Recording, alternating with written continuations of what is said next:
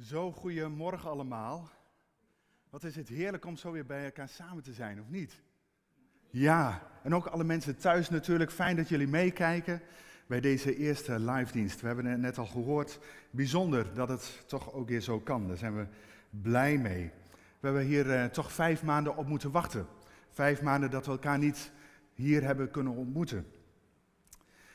En ik moet zeggen, ik, ik ben best wel een beetje gespannen. En ik, ik, kwam hier binnen vanochtend en ik zag ook bij sommige anderen wel wat van die gespannen gezichten. Ik denk, oeh, er gaat wat gebeuren vandaag. Um, nou, ik, ik, misschien herkennen jullie die spanning wel hè, voor zo'n eerste samenkomst weer. Van nou, hoe zal het gaan? Wat gaat er gebeuren? Hè, hoe loopt alles? Maar ik ben blij en dankbaar dat we dit gewoon met elkaar kunnen gaan beleven. Nou, vanochtend wil ik jullie ook meenemen in een, ja, toch wel een spannende gebeurtenis. Het thema, jullie hebben dat al kunnen zien in de mededelingen, Jan heeft het net ook gezegd. Het thema is, wat zorgt voor jouw bescherming? Ik wil het met jullie gaan hebben over een, een gedeelte uit Ezra.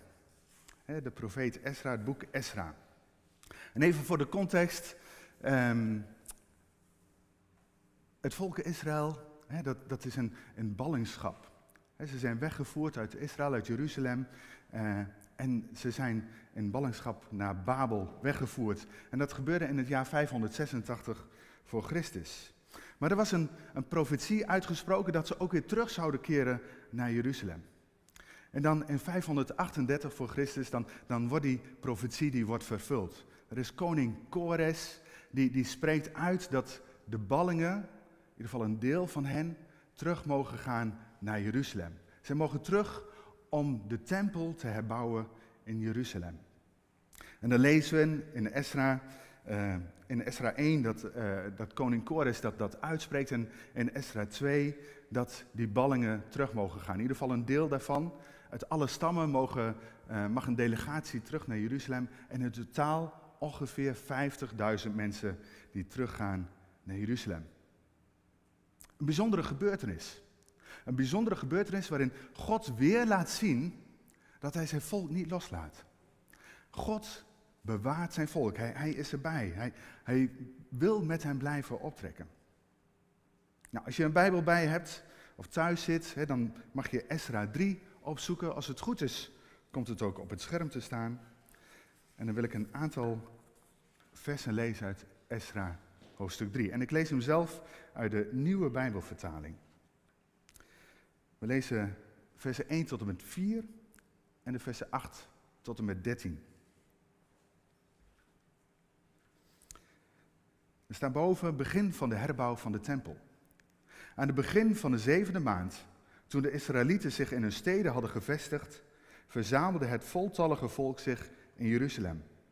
Jezua, de zoon van Jozadak en zijn medepriesters, en Zerubabel, de zoon van Sealtiel en zijn verwanten, bouwden het altaar van de God van Israël om daarop te kunnen offeren, zoals is voorgeschreven in de wet van Mozes, de godsman. En ondanks hun angst voor de bevolking van het land, richtten ze het altaar op zijn oude fundamenten op en offerden aan de Heer. Ze droegen de brandoffers voor de morgen en de avond op en vierden het Loofhuttenfeest volgens de voorschriften. Elke dag brachten ze het vereiste aantal brandoffers, Zoveel offers dus als er voor iedere dag zijn voorgeschreven. In het tweede jaar, dat is vanaf vers 8, in het tweede jaar nadat zij naar, de, naar Gods tempel in Jeruzalem waren gekomen, in de tweede maand, begonnen Serubabel, de zoon van Sealtiel, en Jezua, de zoon van Jozadak, en de rest van de broeders, priesters en levieten en alle die uit de ballingschap naar Jeruzalem waren teruggekeerd, met het aanstellen van levieten van 20 jaar en ouder, om toezicht te houden op de werkzaamheden aan de tempel van de Heer. Jezua, zijn zonen en verwanten, en Kadmiel en zijn zonen, nakomelingen van Juda, waren gezamenlijk verantwoordelijk voor het toezicht op de arbeiders die werkten aan Gods tempel. Met de zonen van Genedat en hun zonen en verwanten, allen levieten. Terwijl de bouwers de fundamenten van het heiligdom van de Heer legden, stelden de priesters gekleed in ambtsgewaad, zich op met trompetten. De levieten, de nakomelingen van Asaf, stelden zich op met cymbalen om de Heer te prijzen volgens de aanwijzingen van David, de koning van Israël. Ze dankten en prezen de Heer en ze zongen in beurtzang. Hij is goed, eeuwig duurt zijn trouw aan Israël. Heel het volk begon daarop luid te juichen en de Heer te prijzen, omdat de fundamenten van de tempel van de Heer werden gelegd. Veel priesters, levieten en familiehoofden, de ouderen die de eerste tempel nog hadden gezien, huilden luid toen voor hun ogen de fundamenten van de tempel werden gelegd. Maar vele anderen juichten en jubelden. Juichen en huilen waren niet meer te onderscheiden. Het gejubel was zo sterk dat het tot op grote afstand te horen was. Tot zover het gedeelte uit, uit Ezra. Ik vond het een mooi deel.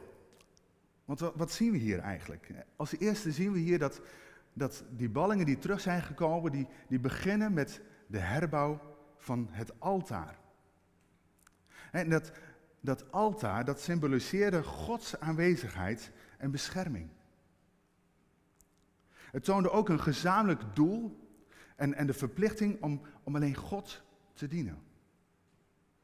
Je zou denken, wanneer ze terug zouden keren, dat ze zouden beginnen met de herbouw van, van de muren. Maar eerst, eerst wordt de tempel herbouwd. En, en dat, ik probeer dit verhaal ook een beetje in onze situatie te plaatsen. wat, wat, wat, hebben wij, wat doen wij? Wij zijn ook weer samengekomen hier. En, en we zijn niet begonnen zeg maar, met de herbouw van het altaar of, of de tempel. Maar wij zijn eigenlijk begonnen met de bouw van de muren. Het protocol wat nodig was zeg maar, om hier te komen.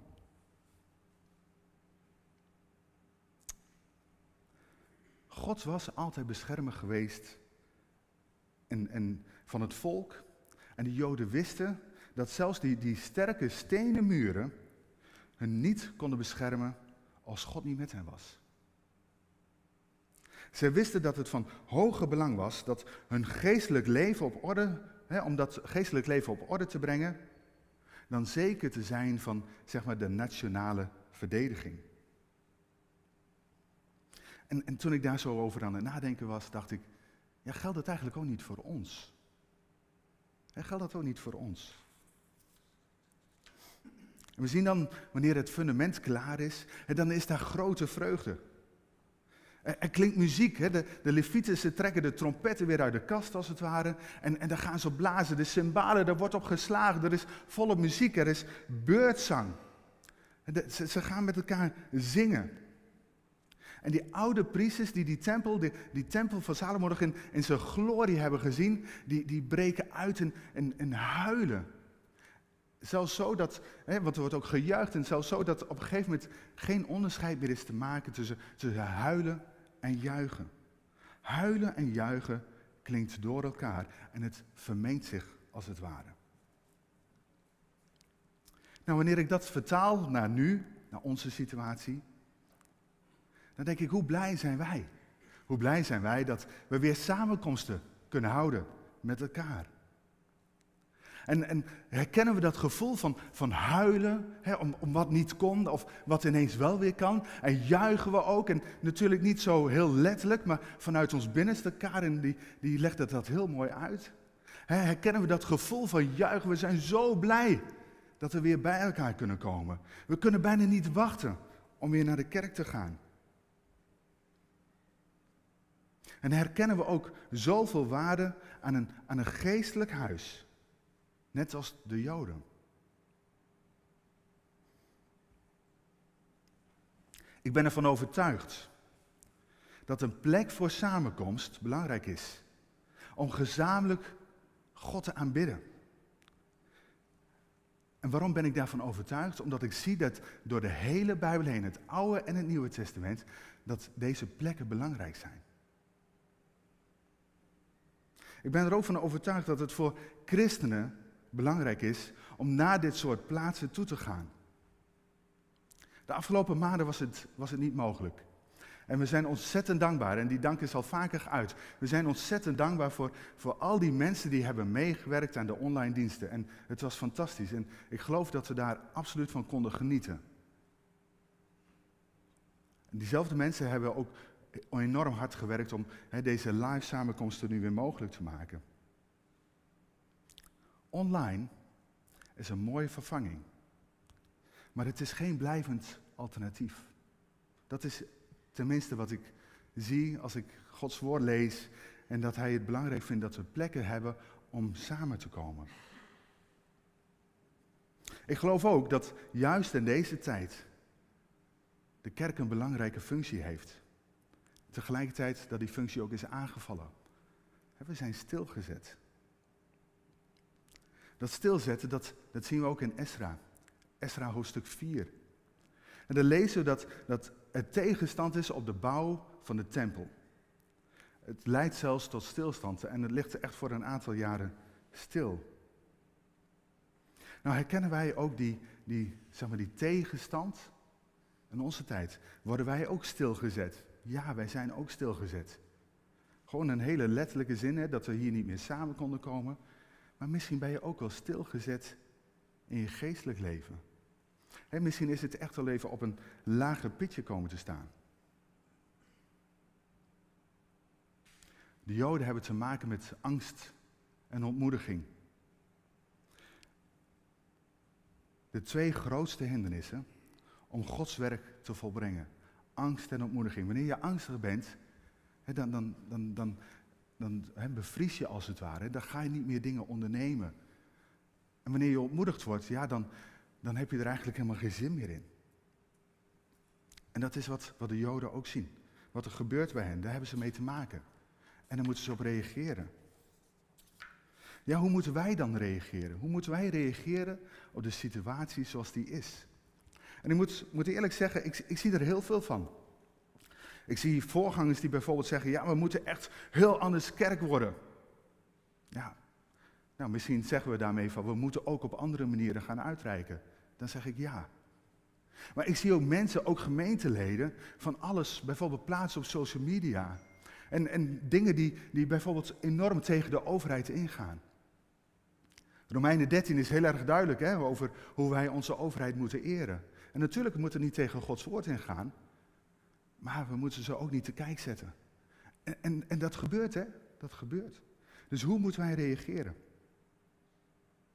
Je moet zo denken aan woorden van Paulus.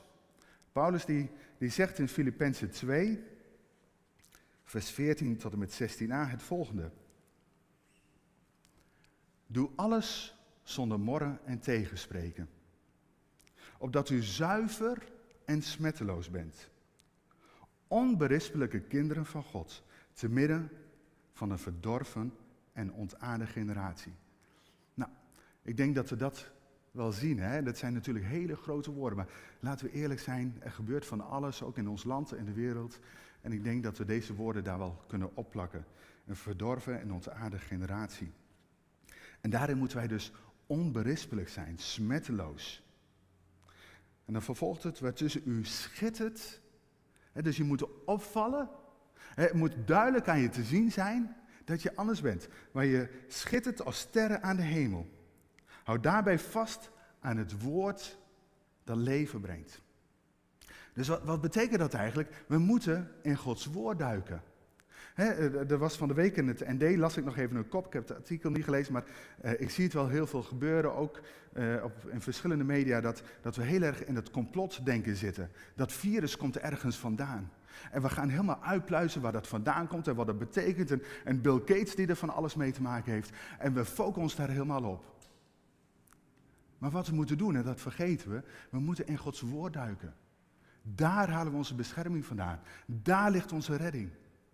Onze redding ligt in Jezus Christus. En niet in iets anders of dat we maar weten wat er allemaal moet gaan gebeuren. Daar moeten we ons mee bezighouden. Hoe lezen we uh, het woord van God nog? Ons leven moet afgestemd zijn op God. Ons leven moet niet afgestemd zijn op de omstandigheden. We moeten moment en plaats creëren om Hem te aanbidden. En dat doen we. En dat is mooi. Dat doen we bijvoorbeeld weer in de samenkomsten. We doen dat op zondagmiddag. We doen dat op woensdagavond hier met de, met de bidstond. Die mogelijkheden zijn er weer. En die momenten moeten we grijpen. We moeten zorgen voor een stevig fundament. We mogen ons laten vullen met Gods geest, met de geest van Jezus. En zo vervuld mogen we op weg gaan. Ik wil afsluiten met de woorden van Filippenzen 4. Wat de omstandigheden ook zijn. Dit zijn belangrijke woorden om in onze oren te knopen. dus wat de omstandigheden ook zijn, of er nu wel of niet een tweede golf komt, of er nu iets is wat ons probeert stil te leggen, het maakt niet uit. Maar de woorden die in Filippenzen 4 klinken, die, die mogen in praktijk brengen. En daarmee wil ik afsluiten. Daar staat, laat de Heer uw vreugde blijven. Ik zeg u nogmaals, wees altijd verheugd. Laat iedereen u kennen als vriendelijke mensen. De Heer is nabij. Wees over niets bezorgd, maar vraag God wat u nodig hebt en dank Hem in al uw gebeden. Want dan zal de vrede van God, die alle verstand te boven gaat, uw hart en gedachten in Christus Jezus bewaren. Ten slotte, broers en zussen, schenk aandacht aan alles wat waar is, alles wat edel is, alles wat rechtvaardig is, alles wat zuiver is, alles wat lieflijk is, alles wat eervol is. Kortom, aan alles wat deugdzaam is en lof verdient. Doe alles wat ik u heb geleerd en overgedragen, wat ik u heb verteld, zegt Paulus, en, en laten zien. Doe het en de God van de vrede zal met jullie zijn. Amen.